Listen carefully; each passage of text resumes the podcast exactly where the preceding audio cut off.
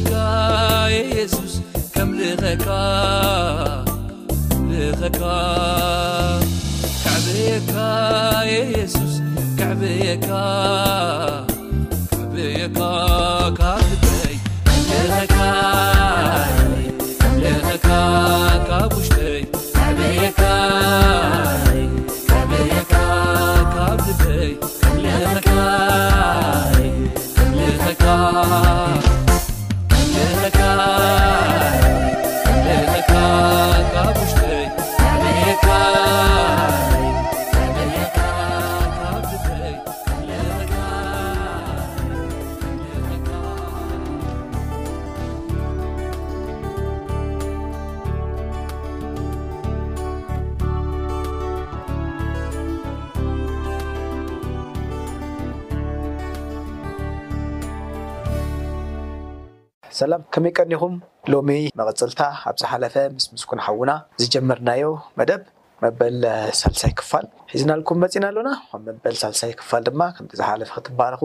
ተስፋ ንገብር በዓል ሎሚ ብሓባር ምስኡን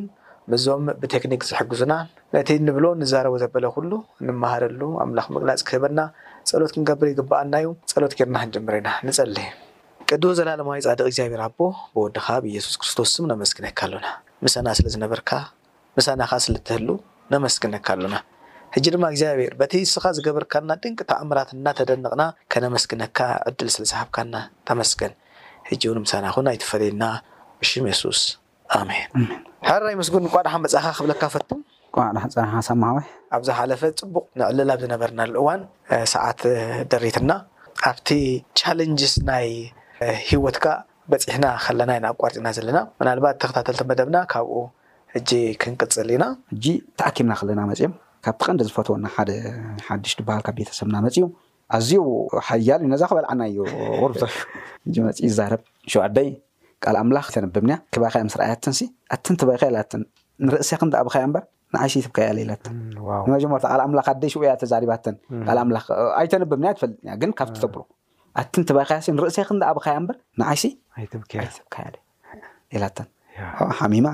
ተጸሊላ እዚኣ ኢለን ሽኡ ካብኡ ሽኡ ክበጽሑ ብዙሕ- መጺኦም ከሎ እዩ እዚ ክበጽሑና ዋይ እንታይ ተቐይርኩም ንምንታይ ከምዚ ኾንኩም ኢሎም እወ ሕጂ ንሕናስ ዝተቐየርናዮ ነገራት የብልናን ንሕና እቲ ንገብሮ ዝነበርና ካልእ እ፣ በዓላት ወዲ በዓላት ደኣ እምበር እምነትና ዝቐየርናሉ የብልናን ቀደም ክርስትያን ኢና ሎሚ ክርስትያን ኢና ሕጂ ሓንቲ ጌጋ እንተልዩና ወይ ከኣ ካብዚ ነገራት እንተወጺእናስ እዚኣ መጽሓፍ ቅዱስ እዩ በዚ መጽሓፍ ቅዱስ መሰረት እንተመሊስኩምና ክንምለስ ኢና እንተዘይመሊስኩምና ግን ናበይ ኢና ክንምለስ ንምለሰሉ ነገራሲ የብልናን ኢሉ እቲ ዝፈትወና ካብቲ ቤተሰብና ሽኡ ነታ ባይብል ምንጥል ኣቢሉ ክቐዳ ድዩ ኣደኖ ካልእ ነገር ሓሲቡ ነታ ተንብዋ ዝነበሩ ነታ መጽሓፍ ቅዱስ ማለት እዚኣ ጠንቂ ናይዚ ኩሉ ኢሉ እወ እንጂ፣ እ፣ እንግዳፍ ቃል ኣምላክ ክትገድድ ኢና ሽኡ ገዲፍዋ ማለት እዩ ተገርም እዩ። ሽኡ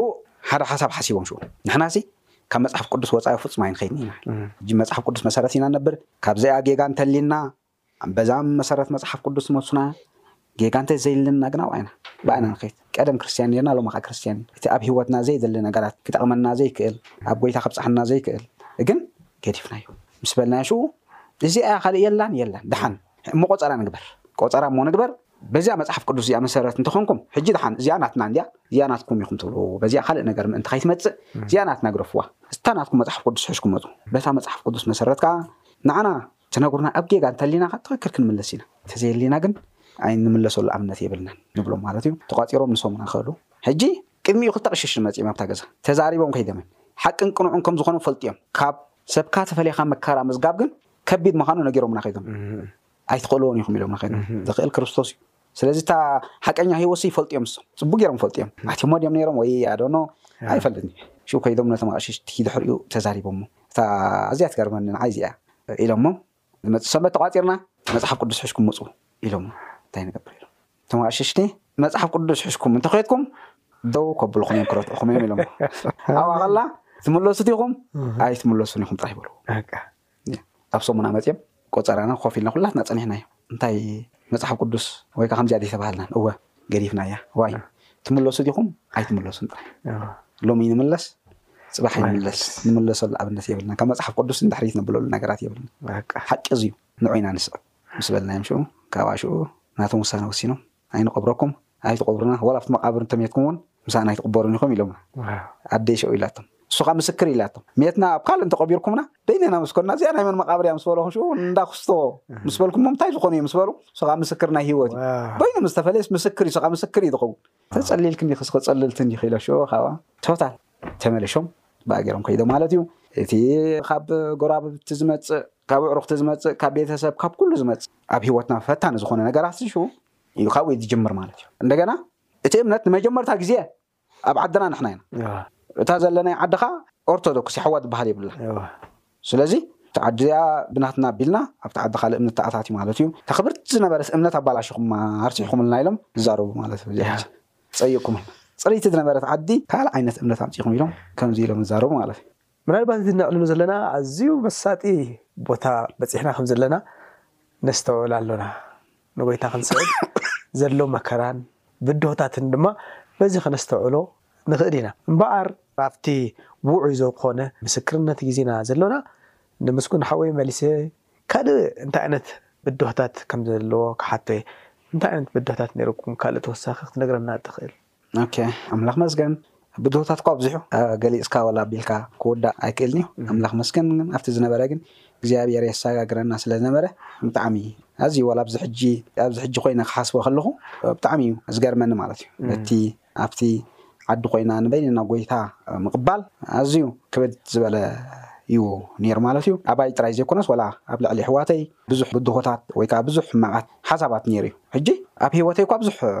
ደሓን እየ ኣብቲ ምሽ ኣምላኽ እረድኣኒ ስለ ዝነበሩ ስለ ዝነበረ ብናተይ ወገን ክሪኦ ከለኹ ንኹሉ ነገር ይሓልፎ ነይረ ማለት እዩ ምኽንያቱ ቀልጢፉ ነቲ ዝመጸኒ ነገርስ ኣምላኽሲ ንውሽጢይሲ የዳልዎ ነይሩ ወላ ሰባት ሕማቕ እንተሓሰቡለይ ቅድሚኡን ገለ ነገር ቃል ኣምላኽ ኣብ ውሽጢ ይመጽእ ነቲ ነገርቲ ዝስዕረሉ ነገራት ማለት እዩ ስለዚ ገለ ነገር እንተኾይነ ወይ ከዓ ዝኾነ ነገር ኣብ ህይወተይ እንተመጸኒ ቀልጢፈ ናቱ ግብረ መልሲ ቅድሚ ምሃብ ናብ ቃል ኣምላኽ እየ ዘብል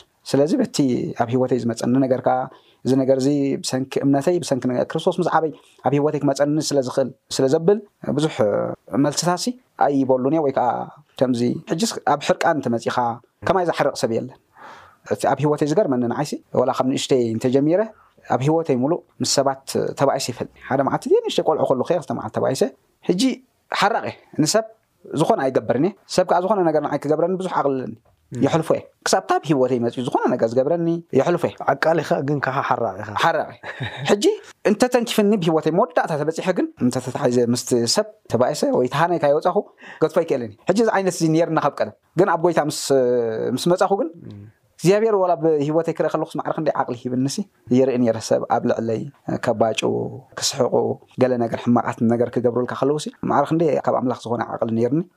ኣዝዩ እዩ ድገርመኒ ሰብ እንተ ባጭልዩ ሰብ ዝኮነ ነገር እንተ ገይሩ ወይ ክፎ እንተ ገይርኒ ትክክል ግን ኣብ ሂወተይ ቃል ኣምላክ ስለ ዝመጽእ ስለ በቲ ቃል ኣምላክ መሰረት እየ ብዙሕ ዝጉሄሉን ዘብለሉን ነገራትሲ የብለይን እይስማዓካ እዩ ንጀቲ ንሕና ብድሆታት ንሓልፎ ዝነበርና ኣነ ይኹን የሕዋተይ ክሳብ ኣብ ቤት ትምህርቲ ንዓይ እኳ ድሓን እዩ ብሕልፊ ኣቤል ሓወይ ክሳብ ኣብ ቤት ትምህርቲ እናሃለሹ ጴንጤ ገለ ኢሉ ዝሰብስቡ ሓድሽ ነይሩ ኣይፈልጦም ዕጉግ ኢሎም ክርእይዎ መፁ ገለ መፁ ኣዝዩ ንፍዕ እዩ ነይሩ ኣብቲ ጎይታ ዝተቐበልናሉ ግዜ ሲ ጽምኣት ስለ ዝነበረና መጽሓፍ ቅዱስ ማዕረ ክንደይ ኢና ነንብብ ኔርና? ተወሓደ ሰላሳ ምዕራፍ ኣብ መዓልቲ ኢና ኣንቢብና ንበል። ሓደ ሓደ ግዜ ዝርድኣኒሲ። ሰላሳ ብዙሕ እዩ። ለይቲ ብምልእታሲ ከይደቀስኩ ቃል ኣምላኽ ዘንበብኩሉ ግዜ እዝክርን እዝከረኒ። ሕጂ ብቲ ፈለማ ጎይታ ተቐብል ምስ ኣበልና ነንሕድሕድና ብምሓዝ ጥቕስን ብቓል ኣምላኽ ምጽናዕን መን ቀደመ ኢና ኔርና። ኣብ ሰለስተ ኢና ምስ ኣብየል፣ ኣማኒኤል፣ ኣነ ማለት እቲ ጎይታ ተቐብል ምስ ኣበልና ሽኡ ብመጽሓፍ ቅዱስ ኣብ ኣርባዕተ ወርሕን ፈረቓን ወዲኤያ ኩላ ማለት እዩ እንደገና ካልኣይ ደጊመያ ዋው ሕጂ ዋላ እቲ ነንብቦ ዝነበርና ሽው ብሙሉ ኣንቢብና ሰበ ኡምሮና እዩ ዝኸውን ነይሩ ወላ ንመሓዙት ጥቕሲ ወላ ነቲ ካልእ ምስቲ ጽምኣት ነይርና ምስቲ ቅንኣት ነይርና ኩሉ ነገር እዩ ነይርና ማዕረ ክንድዚ እዩ ነይሩ ብዙሕ ብድሆታት ካብ ሂወትና ንሓልፎ ነይሩ ብመዘኑና ይኹን ብመሓዙትና ይኹን ብሕልፊ ኣባሓወይ ብዙሕ ነገራት ይሕሊፉ ከምኡውን ከ ኣደይ ኣደይ ከዓ ከም ቀንዲ ገባሪት ክፉእ ስለ ዝሓስብዋ ቆልዑ ካይገደፉ ኣብ መገዲ ይከትርዋ ነይሮም። ሓደ ግዜ ኣጋጣም ብሽማ ንጉስ ኣቢላ እናመጸት ቀትሪ ፋዱስ ተመሃሮ ዝፍደሱ'ዮም ተመሃሮ ብምሉኦም ኣኽብብ ኣቢሎማ። ሕጂ ቤት ጽሕፈት ኣብቲ ጥቕኡ ስለ ዝነበረ ከይዳ ነጊራትሎም ግን ወላ ሓደ። ሕጂ መገዲ ምሕላፍ ድዮም ከሊኦመን? ከሊኦማ መገዲ ምሕላፍ ወላ እምንን ገለን ሕዦም ክሃርምዋ። ምናልባት ቆልዑ ክኾኑ ይኽእሉ እዮም ግን ቆልዑ ዶ ትብሎ እዚ ቆልዑ ሓሳብ እዚ? ኣነ ቆልዑ ኣይ ኣይኮንኩን ዝብሎም ብጣዕሚ ከምዚ ክፍኣት ኣለዎም ቆልዑ ናይ ቆልዑ ጥራይ ኣይኮነን ኣዝዩ ሕማቕ ዝኾነ ክስታይ ኣለዎ ያ። ምስቲ ጽልኣት ምስቲ ካልእ ነገር ዝሓስቡና በቶም ከምኡ ኣለዎ። ዓበይቲ ተደፊኦም ገለ እውን ክኾኑ እየ ይኽእሉ ብስድርኦም በቶም ዓበይቲ ተደፊኦም ብዙሕ ዝገብርዎ ነገራት እውን ነይሩ እዩ ሽዑ ከምኡ ምስ ገበርዋ ትገብሮ ነገር ኣይነበራን ግን ገለ ነገር ኣምጺኣ ኣይትጽሕፍን ኢኻ ኣምጽእ ኣቢላ ነቶም ቆልዑ እንዳረኣየት ከምዚኣ ገይራ ኣብዛ ኢዳ ከምዚኣ ገይራ እንዳጸሓፈት ከምዚኣ ገይራ እንዳጸሓፈት እዞም ቆልዑ ሽኡ ህልም ኢሎም ኮይኑ ትጽሕፈና ኣላ እንቀተል ኢና ኢሎም ማለት እዩ ከምዚኣ ኢሎም ሽኡ ፅርግ ኢሎም ኮይኖም ሓንሳብ ፀኒሓ እሞ ምንባብን ምጽሓፍን ኣይክእላን እየን። ቅድሚ ጐይታ ምቕባላ ኣይትኽእልን እያ፣ ድሕሪ ጐይታ ምቕባላ ግን ትኽእል። እወ እዚ እዚ እዚ ፍጻሜ እምበር እዚ እዚ ኣይ ኣይትኽእልን እያ ነይራ። እዚ እኮ እዩ መሊሱ ክሰ እወ፣ ገይርኒ ኣይትኽእልን እያ ነይራ። ዋው ጐይታ ምስ ተቐበለት ግን እወ እግዚኣብሔር ብዙሕ ነገራት ገሊጽላ እዩ። ኣሜን ንኣብነት ትምህርቲ ናይ ዓበይቲ ናይ ኣንስቲ ነይሩ፣ እም፣ ኣብኡ ትመሃር ነይራ። ሕጂ ካብቲ ትመሃሮ ነገር ምጽሓፍ ኣይትኽእልን እያ፣ እም፣ ምንባብ ኣይትኽእልን እያ፣ ወላ ሓንቲ ኣይትኽእልን እያ። እም፣ ብዝያዳ ግን ጐይታ ምስ ተቐበለት ንቓል ኣምላክ ከተንብቦ ክኢላ። ኣንቢባ ኣይትፈልጥን እያ ከተንብቦ ግን ኪኢላ ኣበይ? ፈለማ ኣብ ገዛ ባዕላ ዋ ተማሂራ ዋላ ካብተን- ካብተን ሓገዝኩማ ኣየ ንሕግዛን ኢና መዚ ኣምላኽ እዩ ተኣምራት እዩ ብጣዕሚ ኣነ ኣዝዩ እዩ ዝገርመኒ ከተንብብ ኪኢላ ካብ ፈለማ ሽዑ ሓደ ምዕራፍ ክልተ ምዕራፍ ሰለስተ ምዕራፍ እንዳበለት ክሳብ ሕጂ ኢንተ ኣብይዋ ደኺማ እምበር ኣነ ብጣዕሚ እዩ ናይ ኣደይ ዝገርመኒ እሞ ከዓ ምስዘን ናይ ዘን ዓበይቲ ኣንስቲ እያ ተማሂራ መፅሓፉ ገለ ገለ እቲ መፅሓፍ ኣቢላ ምንባብ ግን ደቂ ቃል ኣምላኽሲ ምዕራፍ ሙሉእ ተንብብ ከምዚ ኣብ ከምዚ ከምዚ ትብለካ ኣብ ከምዚ ከምዚ ከኣ ከምዚ ትብለካ። ዘገርም ስጋዕ ሕጂ ዓይና ደኺሙ ሕጂ እንተ ዘይ ገዲፋቶ እምበር ተንብብ ኔራ እዚ ኩሉ ግን ጎይታ ምስ ተቀበለት ኣብ ሂወታ ዝመጸ ነገራት እዩ ማለት እዩ። ዘገርም እዩ ማለት ሲ እዚ ተኣምራት እዩ ኣምላኽ ማለት እግዚኣብሄር ናይ ልቢ ይፈልጥ እንድዩ ሃረርታ ናይ ልበን ማማ ድማ ቃል ኣምላኽ ናይ ምፍላጥ ናይ ምንባብ ኣነ ውን ካብቲ እተዓዘብክዋ ሲ ኣብ ቃል ኣምላኽ ዘለዋ ፍሉይ ነገር መቸም ደሓር ተዕልለልና ኢኻ ገሊኡ ከተዕልለኒ ጸኒሕካ ኢኻ ቃል ኣምላኽ እንድሕር ኢልዎ እንተ ዀይኑሲ ክገብሮ ጥራሕ ዘለኒ ዝብል ዓይነት ኣተሓሳስባ ከም ዝነበራን ኣብ ገለ ፍጻሜውን ከምኡ ብሓቂ ኢለን ከም ዝወሰናውን ድማ ቅድሚ ሕጂ ኤልሱ ኣዕሊላትኒ ነይራ ኢያ። ስለዚ ኣነውን ኣብቲ እዋን እቲ እከታተሎ ስለ ዝነበርኩ ማለት ኢዩ። ሕጂሲ እዚ ይገርመኒ። ምናልባት ኤልሱ እዚ እምነት እዚ ምጺኣሲ እቲ ቤት እቲ ኸኣ መስኪራትልና በቲ ምስክርነትሲ ንሕና ከኣ መጀመርያ ጎይታ ክንፈልጦ የኤልና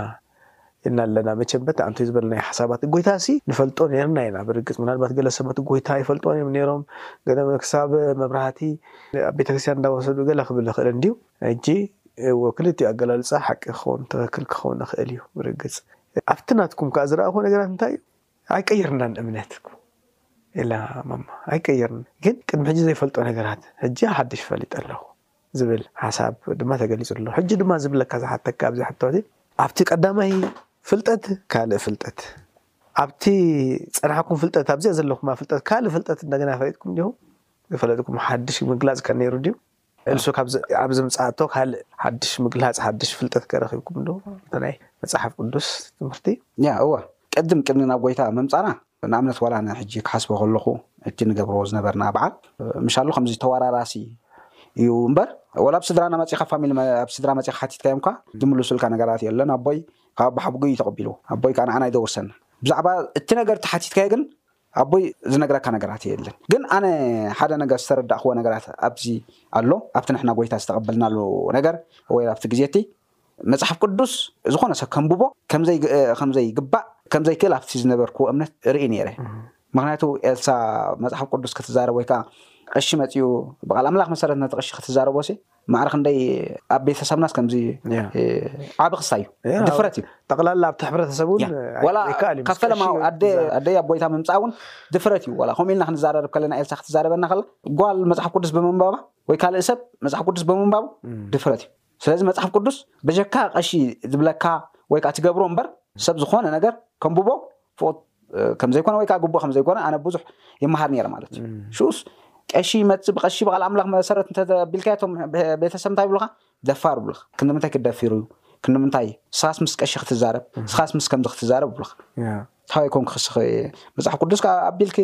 ትዛረቢ እዚ ነይሩ ሕጂ ምስቲ ቅድሚ ጎይታ ዝነበርናዮን ድሕሪ ንጎይታ ምስ ተቀበልናዮንስ ብዙሕ ፍልልይ እዩ ዘለዎ እቲ ምግላጽ ቅድሚኡ እኳ እቲ ባይብል እኳ ሰለስተ ኣርባዕተ ሓሙሽተ ይኹን ኣብ ቤትና ነይሩ ግን ኣሪጉ እዩ ዝድርበ ነይሩ እተምጽኣ ናብቲ ሓንቲ ትድርብያ ናብቲ ሓንቲ ትድርብያ ተቃድዲዱ እዩ ዝድርበ ነይሩ ሕጂ መጽሓፍ ቅዱስ ቅዱስ ቃል ብምዃኑ ክቡር ቃል ብምዃኑ ኢና ንፈልጦ ብካቦሮ ተኣንቢብካ ተሳሊምካ ተቐምጦ ጥራይ ውሽጡ ዘሎ ግን ኣይትርእዮን ኢኻ ሕጂ ክንደይ ዓመታት ጌሩ ኣሎ ኣብ ትሕቲ ሳንዱቅ ተቀሚጡስ ኮፍ ኢሉሲ ክንደይ ዓመታት ጌሩ ኣሎ ወላ ሓደ እዚ ሕጂስ ምግላጽ ኣይበሃልንዩ ወላ ኣንተንበብናዮ ከኣ ከም ምግላጽ ኣይንሓስቦን ኢና ከም ተራ ምንባብ ተንብቦ ወይ ከኣ ከም ዛንታ ከም ኣብ ቸርች ኣብ እንዳ ከንሻ ከለና ንመሃሮ ዝመሃሮ ዝነበራ ከም ዛንታ ከምዚ ልደት ካልእ ነገራት ክመጽእ ከሎ መዝሙራትን እቲ ዛንታ ናይ የሱስ ክርስቶስን እዩ ዝመጻልካ እምበር ካልእ ነገር ተንብቦ ነገራት የለን ብዛዕባ ክርስትያን ብዛዕባ ሃዋርያ ብዛዕባ ካልእ ትፈልጦ ነገራት የለን ሕጂ እቲ ዝያዳ ምግላጽ ግን ንጎይታ ምስ ተቐበልናዮ ድሕሪኡ ዘሎ ንጎይታ ምስ ሰዓመ ምስ መጸና ናብቲ እምነት እቲ ምስ መጻና ግን ዝያዳ ነቲ ቃል ኣምላኽዚ ለይትን መዓልትንሲ ምብላዕናስ መስኡ ኮይኑ ንዕኡ ጥራይ ምስኡ ጥራይ ምዝርራብ ሕጂስ ካብዚ ዝዓቢ ነገራት ምግላጽ ወይ ካብዚ ዝዓቢ ነገራት ለውጢሲ የለን እዚ እዩ ብጣዕሚ ኩላትና ሽኡ ቃል ኣምላኽ ማዕረ ክንደይ ሓቂ ምኻኑ ማዕረ ክንደይ ለዋጢ ምኻኑ ማዕረ ክንደይ ጸላዊ ምኻኑ ኣብዚ ተረዲእና ብዛዕባ እቲ ኣብ ሂወትና እንሓልፎ ዝነበርና ዝተፋላለየ ነገር ኣብኡ ተወኪልና ብኡ መሰረት ንሓልፎ ኔርና ዘገርም እዩ እግዚኣብሔር ይመስገን እቲ ናይ መወዳእታ ሕቶ ኣብዚኣ ክፋል እዚኣ ክሓተካ እፈቱ ከይንውድኣ ንኽእል ኢና ምስቲ ዘለና ተሪፋትና ዘላ ሒደት ግዜ ዳይሬክተርና ሓሙሽተ ደቒቅ ከም ዝተረፈና ይሕብረና ኣሎ ሕጂ ኣብዚኣ ሓንቲ ክሓተካ ዝደሊ እንታይ እዩ ንኤልሱ ምስ ኤልሱ ዝተራኸብናዮ ታሪኽ እፈልጦ እየ ምናልባት ንስኻ እውን ደሓር ዕዴላትካ ስለ ዝኾነት ትፈልጦ ኢኻ ምስ ኤልሱ ምስ ተራኸብና ኢና ምስ ኩሉ ስድራ ቤትካ ክንራኸብ ክኢልና ኤልሱ መጀመርያ መስኪራትልኩም ካልኣይ ግዜ ከኣ መስኪራትልኩም ምናልባት ካልኣይ ግዜ ትምስክረሉ ዘላ ምክንያት እንታይ እዩ ሕጂ ከኣ ካልእ ብርሃን ተገሊጽላ ምናልባት ብናተይ ሸነክ ዘሎ ድሓር ከዕልሎ እየ ኣነ ወይ ኣብቲ ዝቅጽል ግን ምስ ብድሆታ ትቆጽርዎ ኣለኩሞ ኤልሱ ካልኣይ ግዜ ካልእ ብርሃን ሒዛ ምስ መጸትኩም ዝነበረ ናይቲ ስድራቤት ግብረ መልሲ እንታይ እዩ ነይሩ? እዚ ደሓን እዩ ነይሩ። ብሕልፊ ብኣይ ብዙሕ ክሳይስ ኣይነበረን። ብኻልእ ግን ኣብ ነንሕድሕድና ግን ቁሩብ ምፍልላይ ነይሩ እዩ። ብሕልፊ ኣብ ኣማኒኤልን ኣቤልን ክንርኢ ከለና ዘይዓግቡሉ ወላ ሕጂውን ክሳብ ሕጂውን ዘይዓግቡሉ ኩነታት እዩ። ወላ ይሻሉ ንምንታይ ገዛናስ ካልኣይ ግዜ ጥምቀት ጌሮም ኢሎም ስዝዛረቡሉ ኩሉ ነገራት ንኣብነት ብዛዕባ ጥምቀት ኦኬ እወ ጥምቀት ስለ ዝገበርና ንምንታይሲ ጥምቀት ካብትን ናብትን ጌርና ኢሎምሲ ዘቡሉ ግዜ እዩ ሕጂ ኣብ ኣድቬንትስ ዘሎ ኩላትና ቲንክ ኣቤል ተጠሚቑ ድዩ ኣይተጠመቐን ኣዶ ኣይዝክሮን እየ ኤማ ኣይተጠመቐን ሃፍቶም እኳ ተጠሚቑ ተም ዝበዛሕና ምብራቕ ድሒራ ዝተጠመቐት እያ እምነት ግን ብቐዳማ በቲ ኣብ ካልእ እምነት ዝነበረቶ ወያ ዘላ ስካ ሕጂ ማለት እዩ ሕጂ ሰለስተ ሰባት ኣለዉ ማለት እዩ ብዛዕባ ኣብቲ ኣብ ናይ ኣቲ ኣድቬንት ዘይተጠመቑ ማለት እዩ ሕጂ ይካራኸሩ እዮም ስጋብ ሕጂ ግን ኣብ ኣይኹን ኣብ ሃፍቶም ኣብ ካልእሲ ብዙሕ ዘምፅኦ ፅልዋሲ ኣይዘከረንን ግን ስጋ ሕጂ ምስ ክንሪኦም ከለናስ ሓርቂ እዮም በዓል ኤማ ኣቤልሲ ዋይ ንምንታይ ኩሉስ ንጎይታ ዘይኮነን እቲ ምቕባል ኢሉ የብሎ እዮም ኣማኒኤል እዩ እምበር ኣቤልካ የብሎ እዩ ኩሉ ነገራት ተረዲእዎ እዚ ኸኣ ደሓን እዩ ብዙሕ ከምዚ ክሳይስ ኣይነበረን እንዴ ካብ ኣምላክ ግዲ ኮይኑሲ ብዙሕ ኣይነበረን ምስ ሕጂ ኣብዚ ነገር ዝርዳእን ዘብለኒ ዝነበርኩ ግን ኣነ ዝኾነ ነገር እንተመፅዩ ብመሰረት ቃል ኣምላክ እየ ዝርእዮ ነይረ ናብ ቃል ኣምላክ ዝጎይ ሕጂ ስዋይ ከመይ እዩ እየ ዝብል ነይረ ብመጠን ካብ ብዙሕ ተቃውሞስ ኣይነበረኒ ምክንያቱ ሓቂ ሓቂ ተኮይኑ ንቃል ኣምላክ ሓቂ ተይልካሲ ተብሎ ነገራት የለን ስለዚ እግዚኣብሔር ክረድኣና እግዚኣብሔር ምግላፅ ምስትውዓል ክህበና ዝያዳ ደኣ ክመርሓና ናብቲ ሓቂ ዘበለ ደኣ ኣዚና ጸሎት ንገብር ነብል ነርና እምበር ብዙሕ ክሳይሳ ይነበረ ደሓን ሕራይ ምስጉን ሃወይ ክሳብ ሕጂ እቲ ምስክርነትካ ግዜኻ ኣዲካ ከምዚ ዝኣመሰለ ናይ ህይወት ተመክሮ ገና እውን ዘይተወደአ ብሕጂ ንቕጽል ከተካፍለና ፍቓደኛ ስለ ዝኾንካ ብግሩም ዝኾነ ኣገላልጻ ከኣ ክትምስክረልና ስለ ዝኸኣልካ ንእግዚኣብሔር የመስግኖ ንዓኻ ከኣ ኣምላኽ ይባርካ። ኣሜን ሰማ ሓወይ ተባረኽ። መሊስና ክንራኸብ ኢና ብኻልእ ኣርእስቲ እቲ ኣርእስቲ ድማ ክርስትናን ስደትን ድሕረተ ባይታ ናይቲ ክርስትናን ስደትን ከመይ ይመስል ነይሩ ኣብ ዝብል ከነትኩር ኢና እንተኾነ ኣብዚ ኣዝዮም ኣገደስቲ ኣነ እኳ ዝፈልጠም ብዙሓት ብድሆታት ብዙሓት ጎይታ ዝገበረሎም ብዙሕ ተኣምራታት ዝንገረሉ ዝተረፈ ነገራትን ስለ ዘሎ ሕጂ ግዜ ደሪትና ከንመሓላልፎ ስለ ዘይከኣልና ኣብቲ ዝቕጽል ከንመሓላልፎ ተስፋ እንዳሃብኩኹም ናይ ሎሚ መደብና ኣብዚ ወዲእና ኣለና ኣብ ቀጻሊ ኣብ ዝመጽእ ክሳብ ንራኸብ ጎይታ ምስ ኩልና ይኹን ኣምላኽ ይባርኩም ተባረኹ